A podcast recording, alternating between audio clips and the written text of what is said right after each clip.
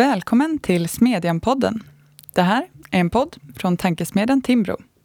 Jag heter Katarina Karkiainen och idag ska vi tala om innovation och hur idéer, utveckling och framsteg egentligen kommer till i ett samhälle och hur det eventuellt hade kunnat komma till mer vore det inte för att forskningen var Sveriges sista planekonomi och att Sveriges 40 miljarder i stöd till näringslivet mest bidrar till att skapa bidragsentreprenörer.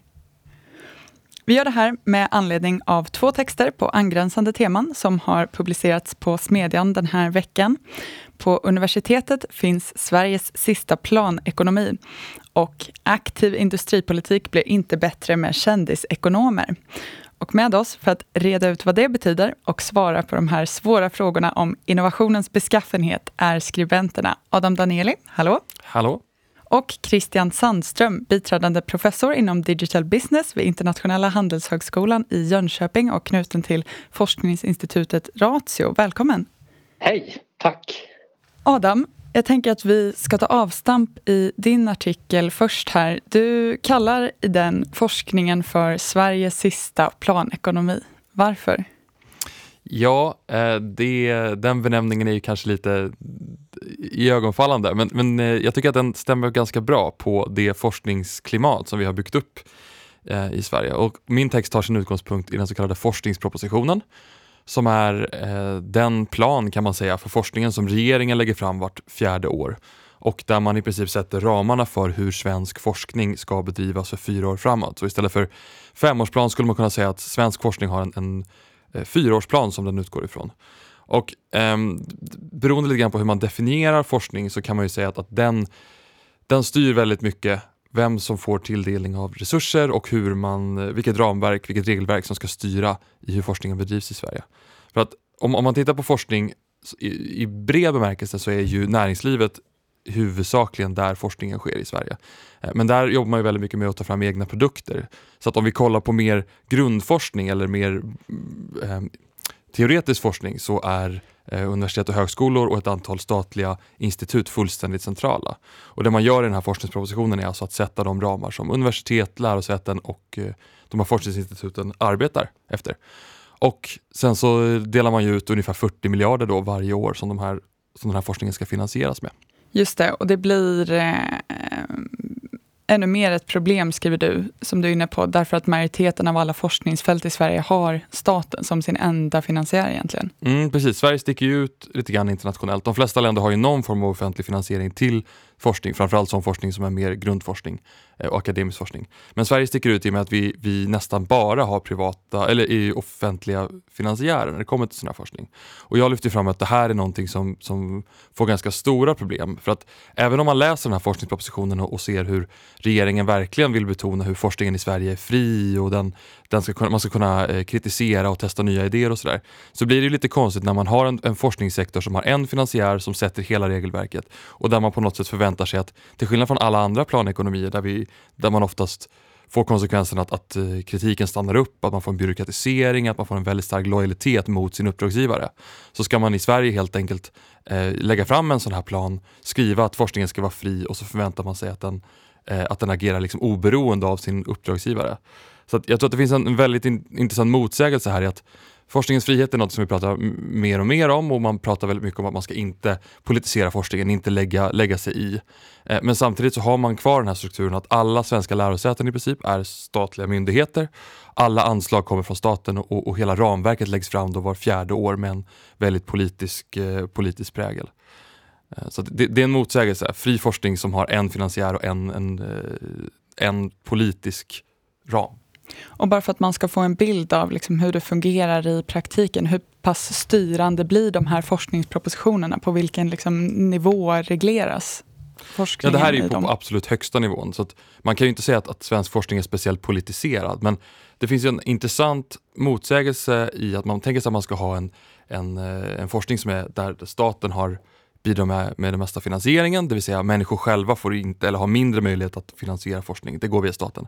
Samtidigt så ska politikerna inte bestämma vad som blir innehållet och då kan man ju fråga sig, men vad blir det för innehåll då? Vem är det som prioriterar? Jo, i praktiken blir det ju att vi har väldigt många myndigheter eh, där man har en väldigt stor makt över vem som eh, får pengar och eh, som vi kanske kommer in lite senare här på, vem som lyckas roffa åt sig av eh, de innovationsanslag som finns. Så att hela idén att man ska ha en, en opolitisk eh, forskning som fortfarande är statlig, ja det ger ju byråkratin en enorm makt. Och det här är ju någonting som, som man känner igen från de flesta liksom, planekonomiska system. Att det slutar med att det är väldigt många byråkrater som får viktiga nyckelpositioner. Snarare kanske än forskare själva eller privata finansiärer eller personer vi kan rösta bort i, i val. Mm, så jag tolkar det som att det liksom primärt finns två typer av problem med offentligt styrd forskning. Det är både de här aspekterna som gäller den akademiska friheten och sen aspekter som rör men, effektivitet eller liksom vad det blir för slags incitament och, och styrmodell för verksamheten. Ja, precis. Man skulle väl kunna säga att den tredje är ju ansvarsutkrävandet. När man gör en dålig satsning på forskning, för det händer ju också. Vem är det som är ansvarig? Ja, det är ju inte politikerna om de inte bestämmer och det är ju inte enstaka, forsknings, inte enstaka forskare utan det blir ju en anonym byråkrati demokrati som i väldigt hög grad kommer att styra innehållet och, och ställa upp vissa krav som kommer att gynna vissa och, och missgynna andra. Jag tror att en betydligt bättre eh, modell hade varit en, en bredare, att man hade fler beslutsfattare, men det har vi inte i Sverige. Istället för att övertyga människor i det omgivande samhället om att en viss forskning är viktig eller har stor potential, så ägnar sig politiker, byråkrater och intressenter år efter år åt en intern dragkamp, skriver du i den här texten. Christian, vi ska ju både prata med dig därför att du har ägnat din forskning åt ämnen som är närliggande dessa, eh, men också, tänker jag, som liksom akademiker i stort. Känner du igen dig i den här bilden? Absolut, det gör jag och eh, jag kan eh, börja med att kanske ge lite mina perspektiv på det här. Och det första då när Adam här kallar det för en planekonomi så kan man ju tycka att det är ju ganska brutalt sätt att, att formulera det. Jag betraktar det nog mer som en så att säga, saklig benämning. Ehm, jag har inte läst mycket statsvetenskap. Eh, jag gjorde en grundkurs. Eh, jag är ingenjör i botten och ekonom. Då, så Ehm, men då fick jag lära mig att ett, ett bra sätt att tänka runt det här med plan och marknadsekonomi det är tre dimensioner. Finansiering, reglering och produktion. Alltså de här, alla de här tre dimensionerna kan vara antingen privata eller styrda av staten. Och om alla tre, om någonting finansieras av det offentliga, om någonting regleras av det offentliga och det produceras, utförs av det offentliga, ja då hamnar man ju i egentligen, det är definitionen av en planekonomi. Och tar vi hur eh, den svenska högre utbildningen ser ut så visst finns det lite olika organisationsformer med eh, en och annan stiftelse, högskola och en del privata medel och industri som går in i de tekniska högskolorna. Men, men det är en benämning som eh, träffar någorlunda rätt skulle jag säga och med det kommer tillhörande problem då. Eh, där kan jag väl ge lite grann också min, min erfarenhet från att både ha eh, varit student och sen undervisat och forskat sedan, ja, jag började doktorera 2007 och disputera 2010, docent 2014. Eh, och eh, det, det är höga overheadkostnader i, i akademin genomgående. Det är alltså interna beskattningssystem där det finns Eh, Eh, administrationer och förvaltningar som ingen riktigt vet vad de gör men alla forskare och lärare är rörande eniga om att den är alldeles för stor och att den bestämmer alldeles för mycket. Eh, men eh, overheadkostnaderna på universiteten är ju väldigt höga då. Om vi då ska knyta det här lite mer till forskningspropositionen här då så vill man förstå det här dokumentet och det Adam är inne på med det här navigerandet och positionerandet då är det ju en, en konkurrens om medel och det, universiteten befinner sig då kan man säga i en, i en matrisorganisation av, av statlig finansiering där man å ena sidan har haft basanslag å andra sidan har man då haft eh, anslag som man söker, stora program ifrån då eh, myndigheter som finansierar forskning. Och eh, historiskt då, om vi skruvar tillbaka klockan många, många decennier, då har det varit mycket mer av det här med basanslag eh, och mindre av att du ansöker om saker och de här eh, förvaltarna då av eh, forskningsmedel, det är Vetenskapsrådet, det är Vinnova med, med flera. Och eh, det, det har ju då skett en övergång gradvis till mer av Eh, ansökningar i konkurrens med andra lärosäten och ofta heter det då att det här är någonting som höjer relevansen. Det är ett sätt att göra forskningen mer relevant för samhället. Om den då har sina basanslag då kan ju forskarna göra precis vad de vill då. Så att över 2000-talet har vi sett hur basanslagen har gått ner och de externa anslagen då har gått upp. Och nu tänkte jag citera Svante Nordin här på Academic Rights Watch. Det här är ett jättebra citat. En ny kultur uppstod, en ansökningskultur som är per definition opportunistisk. Man försöker anpassa sig till vad anslagsgivaren kan tänkas gilla vilka slagord som gäller för stunden.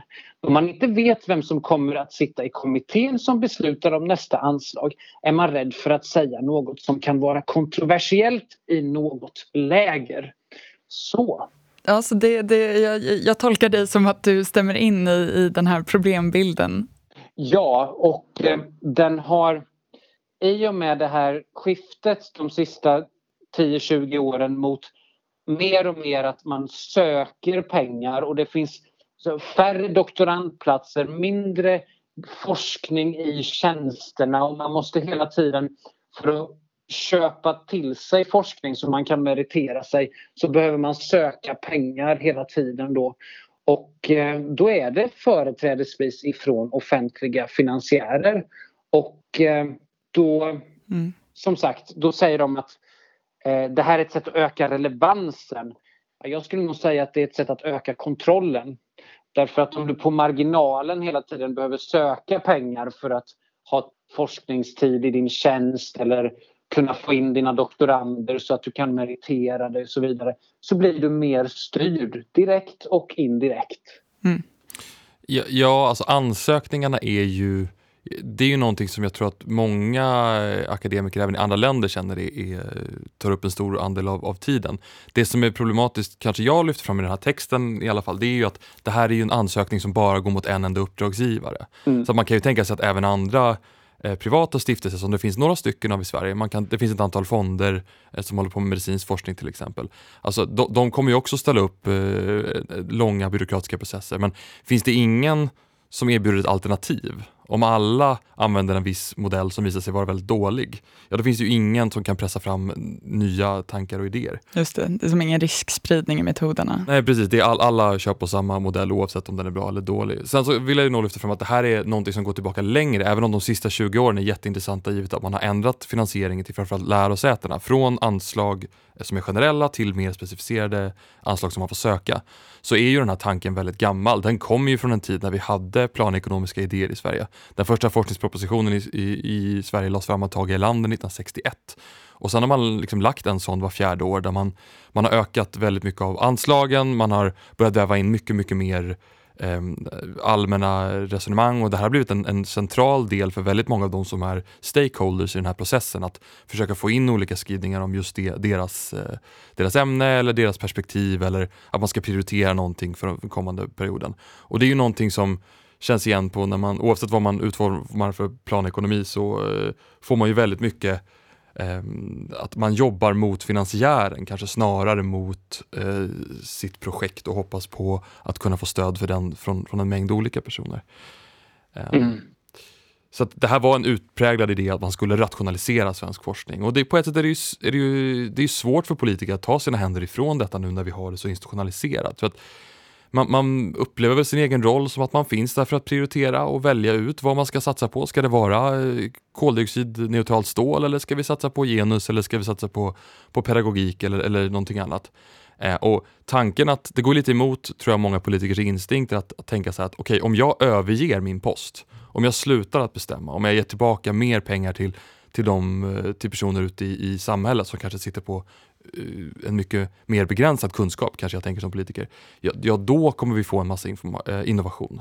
Så det är lite, mm. ja, man behöver en, en, analys av själva planerandet i sig tror jag, man ska förstå varför eh, politiker gör så här. Mm. Jag, jag delar den bilden. Eh, absolut. Och eh, på, på marginalen styr det här ganska mycket. Eh, jag tror det var det jag var ute efter lite grann innan att den genomsnittliga forskaren som är, ja, kanske har en lektorstjänst eller en, en tjänst som eh, docent eller professor den har en viss mängd undervisning och en viss mängd forskning och en viss mängd annat i sin tid. Eh, och eh, det som är meriterande i det långa loppet då, det som gör att man gör karriär, det är ju egentligen forskningen och de vetenskapliga publikationerna. För att kunna göra sina publikationer och göra karriär och dessutom för att kunna handleda doktorander, vilket man ofta behöver för att bli professor, då, då behöver man eh, externa medel. Ehm, och här förstår man också lite grann varför eh, forskare eller inom akademin pratar man om undervisningsbörda. och vi har väl alla haft en och annan lärare på universitetet som såg det just som en undervisningsbörda. Eh, men i deras incitamentstruktur är det faktiskt just en börda många gånger. Det. det. är ingenting som är meriterande, det är ingenting som gör att du gör karriär, får högre lön, får bättre tjänster, får mera status bland dina, dina kollegor utan det är publikationerna som gör det. Och det är därför då forskare ibland säger att man fastnar i ett undervisningsträsk. Och det är lite som ett moment 22 att du kan inte eh, forska och meritera dig för att du undervisar och du undervisar för att du inte har forskat och meriterat dig. Och på marginalen då när forskare ska försöka ta sig fram i det här systemet så blir de ju oerhört beroende av externa medel för att frigöra tid till att forska och tid eh, eller resurser för att ta in doktorander. Och det betyder ju att den här styrningen, eh, det ser inte ut kanske att vara jättemycket men, men på marginalen, beteendet sker ju på marginalen hela tiden, eh, så är det en betydande styrning vi talar om. Mm. Ja, det är eh, uppenbart om man hör på er i alla fall att den här vetenskapliga planekonomin dras med flera problem. Och de offentliga anslagen har ju växt mycket eh, under de senaste decennierna.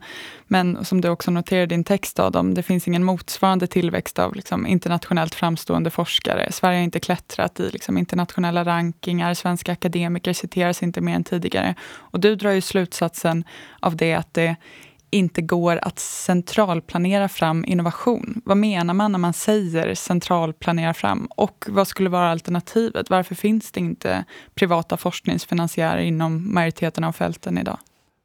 Ja, men med centralplanera fram innovation, då tänker jag den optimismen som man ser från väldigt många politiker, att man ska kunna, genom att fatta kloka beslut på väldigt hög nivå, kunna tilldelas till exempel, nu ska vi, vi i den här regeringen, vi ska satsa på det här stål, den här stålproduktionen, eller vi ska satsa på Eh, den här eh, specifika miljöforskningen. Eh, och det är, ju, det är ju rätt logiskt rent medie, mediemässigt att försöka gå ut och, och, satsa smalt och specifikt för att kunna visa att man har en väldigt stark målbild med exempelvis den här forskningspropositionen. Men till slut så hamnar man ju lite grann i en, en, situation där man ska, jag menar vi skulle ju aldrig ha den typen av, vi skulle aldrig acceptera den typen av tankesätt inom andra politiska områden. Eh, att man till exempel ska gå in och, och, lösa varje problem genom en, en order från högsta möjliga eh, politiska auktoritet. Utan där, där förlitar man sig mycket, mycket mer på att eh, den eh, kunskapen finns på lokal nivå och att eh, det krävs konkurrens och att någon har incitament att, att kritisera och pröva alternativ så att säga. Men i, i den här, eh, här har man verkligen fastnat i det här tänket att man ska kunna komma uppifrån.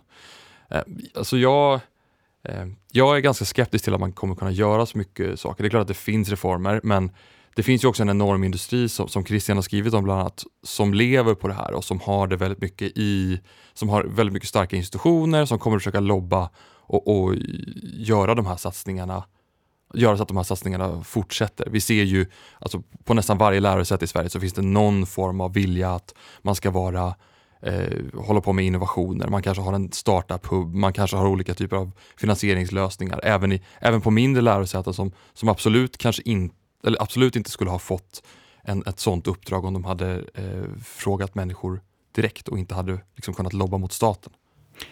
Christian, du har ägnat mycket av din forskningsgärning åt just detta som vi är inne på. Går det att planera på ett sånt vis att innovation kan ske. Det hävdas ju också ibland att det snarare är liksom de svenska företagen som står för de nya idéerna och lösningarna och uppfinningarna än högskolor och universitet. Eh, Man får nog börja med att reda ut begreppen lite grann. Mm. Eh, jag brukar säga att forskning och innovation är olika saker. Bara, bara där tappar vi ganska många politiker. Man, man, man blandar ihop det här, man slänger in dem i samma mening. Men om vi ska reda ut lite. Så forskning kan man säga att vi tar pengar och gör om till kunskap. Eh, det är ju ytterst vad det handlar om. Att man, man ska förstå världen på nya sätt och man gör det genom att använda sig av kapital. Eh, innovation är det omvända. Vi tar kunskap. Det kan vara ny kunskap, det kan vara etablerad kunskap. Vi kombinerar den på nya sätt så att vi gör om den till pengar eller till någon form av nytta, men ofta är den monetär. Så det är alltså orsaks... Det kausala sambandet går åt olika håll. Forskning är att du gör om pengar till kunskap. Innovation är det omvända. Och universitet handlar om forskning. Om jag är forskare så söker jag om pengar eller har pengar i en tjänst för att generera ny kunskap. Och då är det upp till mig att motivera varför den kunskapen behövs eh, och varför jag ska eh, tilldelas pengar för att utveckla detta. Och då bygger jag som forskare ett antal komparativa fördelar kopplat till det här. Jag blir ganska duktig på några metoder, jag förstår en massa specifik litteratur. Jag eh, lär mig att vara kritisk och ifrågasättande. Om innovation är det omvända, eller entreprenörskap kanske då eh, är processen att göra om någonting eh, nytt till, till pengar. Då är det också helt andra färdigheter som krävs för detta.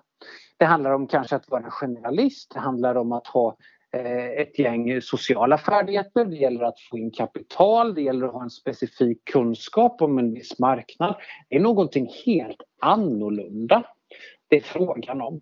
Och eh, eh universitet de har hållit på med forskning i alla år.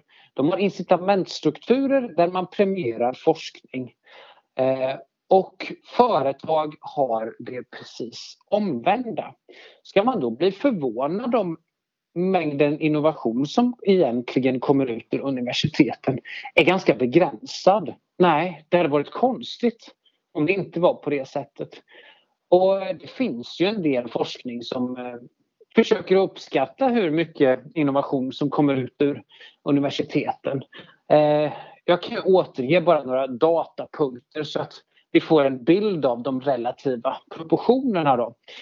I en doktorsavhandling från 2013 Eh, vid Göteborgs universitet då uppskattade man att 6% av patenten i Sverige kunde härledas till eh, universitet.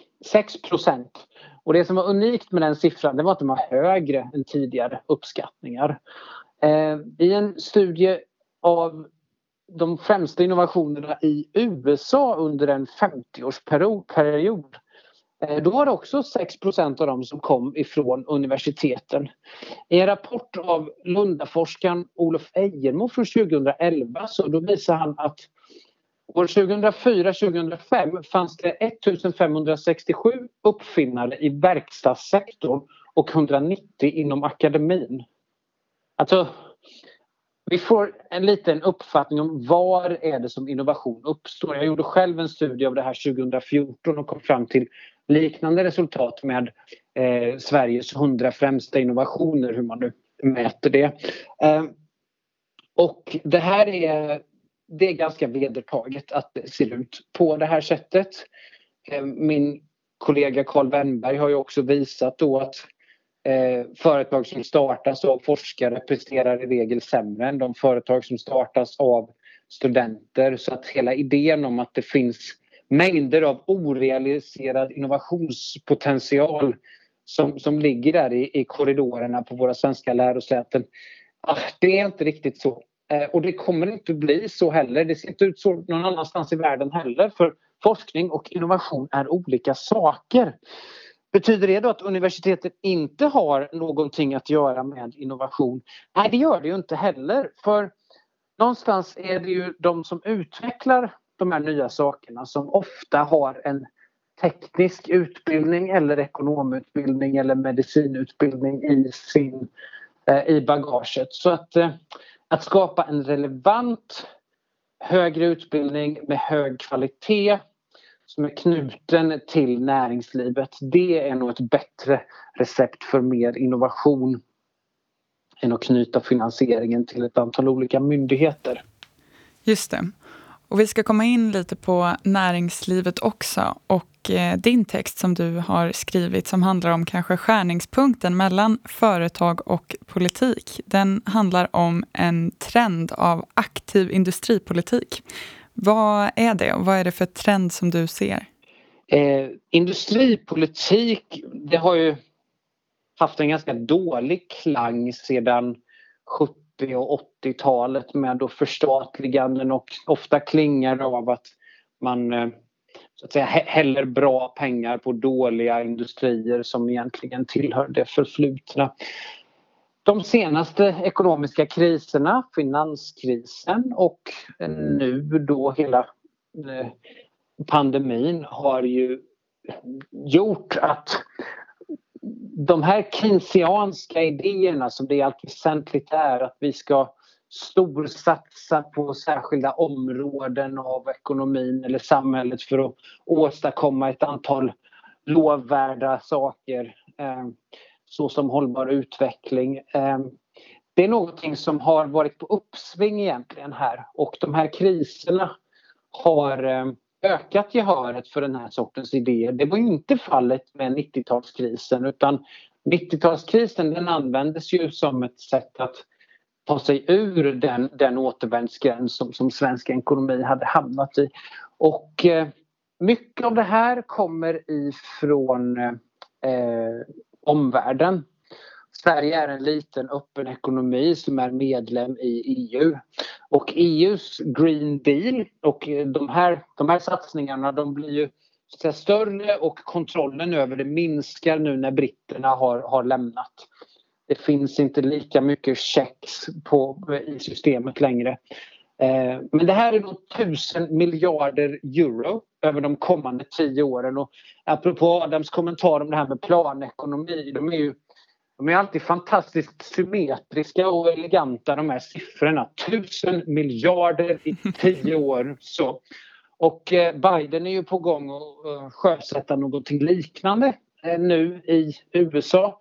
Och det hörs väldigt få kritiska röster mot detta. Hur kan du vara emot alla de här lovvärda sakerna som nu ska uppnås med hjälp av de här stora satsningarna så att vi kommer ur den här krisen? Eh, ungefär så skulle jag beskriva kontexten här runt, runt det hela. Just det. Och som du skriver om, en av de främsta opinionsbildarna bakom den här trenden är Mariana Mazzucato som är professor i innovationspolitik vid University College London som har skrivit den här boken The Entrepreneurial State som har blivit väldigt uppmärksammad och uppskattad av kanske mer vänsterorienterade politiker och opinionsbildare.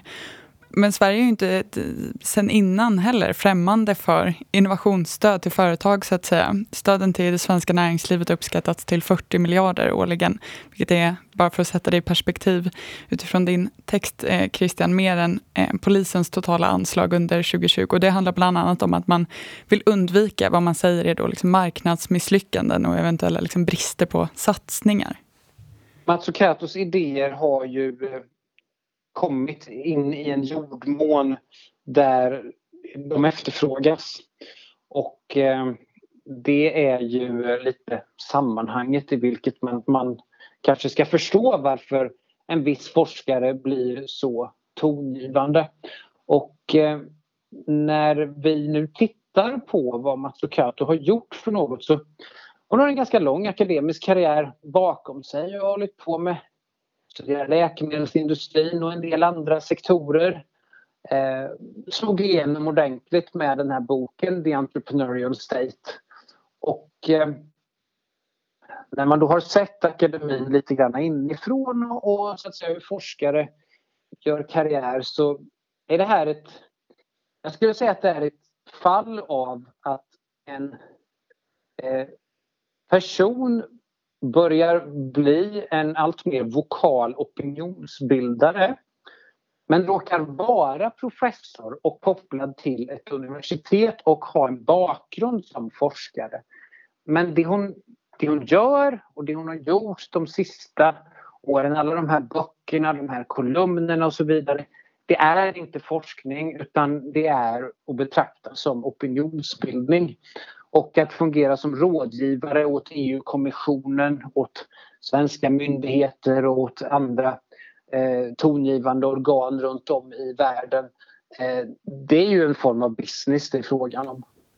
Just det. Och vad är din kritik mot eh, själva det liksom, teoretiska ramverk som byggs upp nu med de här idéerna? Du skriver ju om hur det ser ut i, i Sverige och effekten, eller kanske den uteblivna effekten av, av de här stöden där man visar i utvärderingar att ja, men det, det är inte åtminstone någon effekt på omsättning, vinst eller antal anställda.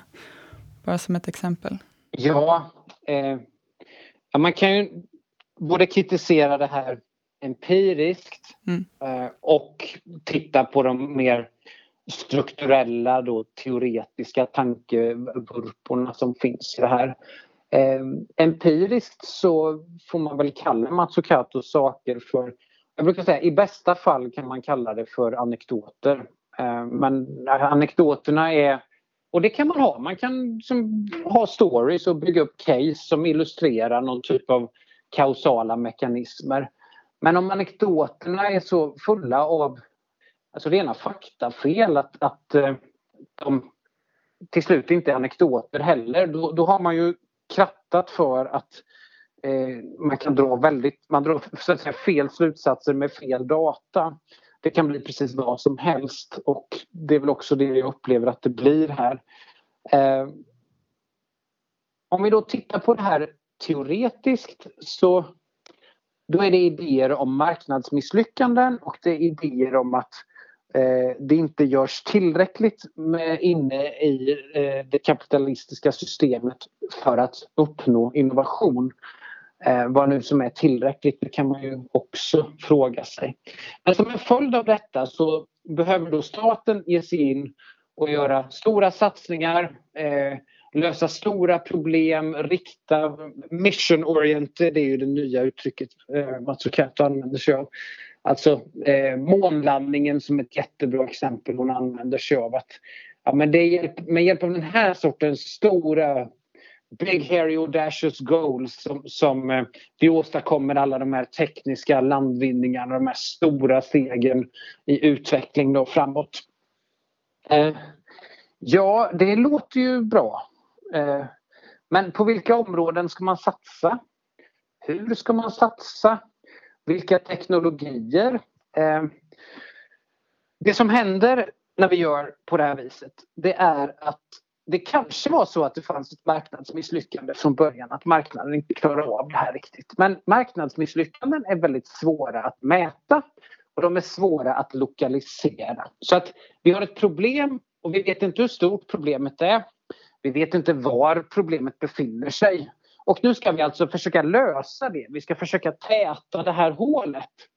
Och de här lösningarna som nu kommer eh, från ovan, de är föremål för sin egen logik. De påverkas av intressegrupper, det är alltifrån myndigheter till storföretag, till politiker, till regioner eh, som alla ska ha sin del i den här allokeringsprocessen. Så att om det fanns ett problem att lösa från första början så är man inte utrustad med strukturerna för att komma till rätta med det utan vi får det man inom politisk ekonomi kallar för regulatory capture. Alltså att de här systemen, strukturerna, pengarna eh, fångas av mäktiga intressegrupper istället för att leda till det de var avsedda att leda till. Och eh, det där finns det gott om exempel på. Eh, sen har vi, om vi går tillbaka till Adams text här och eh, Hayek, informationsproblemet. Ofta är det så att Politiken kan lika lite som marknaden eller den enskilda aktören på marknaden förstå vad det är som är det rätta att göra. Ehm, det är i en selektionsprocess över tiden med trial and error som det utvecklas nya saker i en marknadsekonomi. Enskilda företag gör misstag precis hela tiden. Det är kumulativt över tiden som vi selekterar fram någonting bättre i en marknad. Eh, men om inte den enskilda aktören på en marknad vet vad som är rätt, hur ska då den enskilde politikern som inte ens befinner sig på marknaden kunna veta det? Risken är överhängande att man satsar på fel saker. Och det finns det också en hel del exempel på. Just det. Det blev en bra eh, anknytning till eh, det tidigare ämnet. Vi behöver alldeles strax gå in för landning här. Men jag tolkar er eh, efter den här konversationen som att universiteten kan inte riktigt och har kanske inte primärt som uppgift att skapa innovation. Försöken att satsa fram innovation inom näringslivet från politiken funkar inte heller. Vad skulle då skapa så att säga, goda förutsättningar för idéer och utveckling och framsteg? Ja, det låter lite på er som att det är någonting helt annat än det som görs idag som borde göras. Ja, det beror väl lite grann på hur man, vad man tittar på. Jag tycker att Christians uppdelning mellan innovation och forskning är, är jättebra och den hjälper oss också förstå varför de här till exempel forskningspropositionen då är en ganska märklig produkt där man försöker överbrygga det här. Man tänker att ja, ja, men det spelar ingen roll vilket håll vi, vi går åt, vi kan göra både och på, på våra lärosäten. Eh, alltså, det finns ju en lite 70-tals-är över hela debatten kring det här området. Man börjar prata om industripolitik som, som Christian nämnde som har en ganska dålig klang i Sverige eftersom att vi, vi minns Stålverk 80 och alla de här märkliga politiska försöken att, att eh, kringgå marknaden. Men eh, om man ska ta universiteten så har jag funderat lite grann på om man inte skulle kunna försöka utmana det här fullständiga monopolet som de offentliga har genom att ställa olika krav på medfinansiering till exempel vid olika projekt. För att om man skulle ha, det kanske är, är vad ska man säga, det är nog svårt att rycka bort hela den offentliga finansieringsstrukturen och försöka ersätta med någonting annat. Man skulle ju kunna tänka sig att man ställer krav på att även andra än staten ska eh, vara med i, i alla fall i större projekt. Och Sen finns det ju sådana klassiska borgerliga reformer som vi behöver plocka upp, det vill säga man måste göra lärosäten och institut fristående. Att vi har utbildning och forskning som sker på myndigheter i Sverige är ju, är ju inte en, en bra institutionell modell. Eh, men det är svårt för att vi är ju väldigt skeptiska till rena filantropiska eh, insatser i Sverige. Det vill säga vi har inte så många stiftelser och finansiärer som är fristående från staten och som kontinuerligt och med lång tradition och stor kunskap har jobbat med de här frågorna. Men, men det är väl det, det är ett långsiktigt, en långsiktigt plan, skulle man kunna säga, för att, för att få någon slags ändring i det här, i det här, det här upplägget. Gällande universiteten, stärk grundfinansieringen istället. Eh, om man... En student tog exemplet för mig en gång med vattenfärger. Om du blandar gult, rött och grönt så blir det brunt. Om du blandar blått, rött och lila så blir det också brunt. Alltså allting blir halvmesyrer. Svenska universitet de blir halvmesyrer av samverkan, av forskning, av utbildning istället för ett tydligt artikulerat fokus på det som är viktigt. Bryt den här trenden, eh, stärk grundfinansieringen till universiteten, knyt den till forskningsprestation och till kvalitet i undervisningen istället. Eh, försök också skapa en institutionell pluralism, öppna upp systemet så att det finns möjligheter att konkurrera, eh, att börja leverera högre utbildning. Tekniken är på plats, hela världen håller på att röra sig mot det. Det skakar i den högre utbildningen globalt bana väg för detta i Sverige så kan det börja hända riktigt spännande grejer. Gällande innovationspolitik. Eh, jag kom att tänka på det här om dagen som att innovationspolitik det är lite som arenabyggen när kommuner ska sätta sig själva på kartan. Det har inga reella effekter över tiden men det har en, en synlig eh, effekt eh, i det korta loppet det man ser och det man inte ser, Bastia. Innovationspolitik som den ser ut idag är samma sak. Den har egentligen inga effekter över tiden eh, men det ser ut som att det händer någonting och därmed blir det politiskt populärt. Vänd på den logiken. Eh, skapa breda, bra förutsättningar för att starta och driva företag i Sverige. Så det är det ena. Det andra är innovation är en intressekonflikt mellan nytt och gammalt. Här behöver politiken ta itu med intressegrupper snarare än att fångas av intressegrupper. Och där behöver man vända på perspektivet. Det handlar om att hantera motståndet istället för att eh, falla offer för det.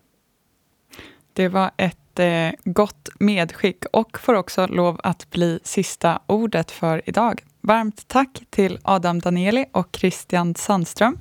Tack också till er som har lyssnat. Både Adams och Christians texter hittar ni som vanligt på timbro.se smedjan. Vi ses där och hörs igen här om en vecka.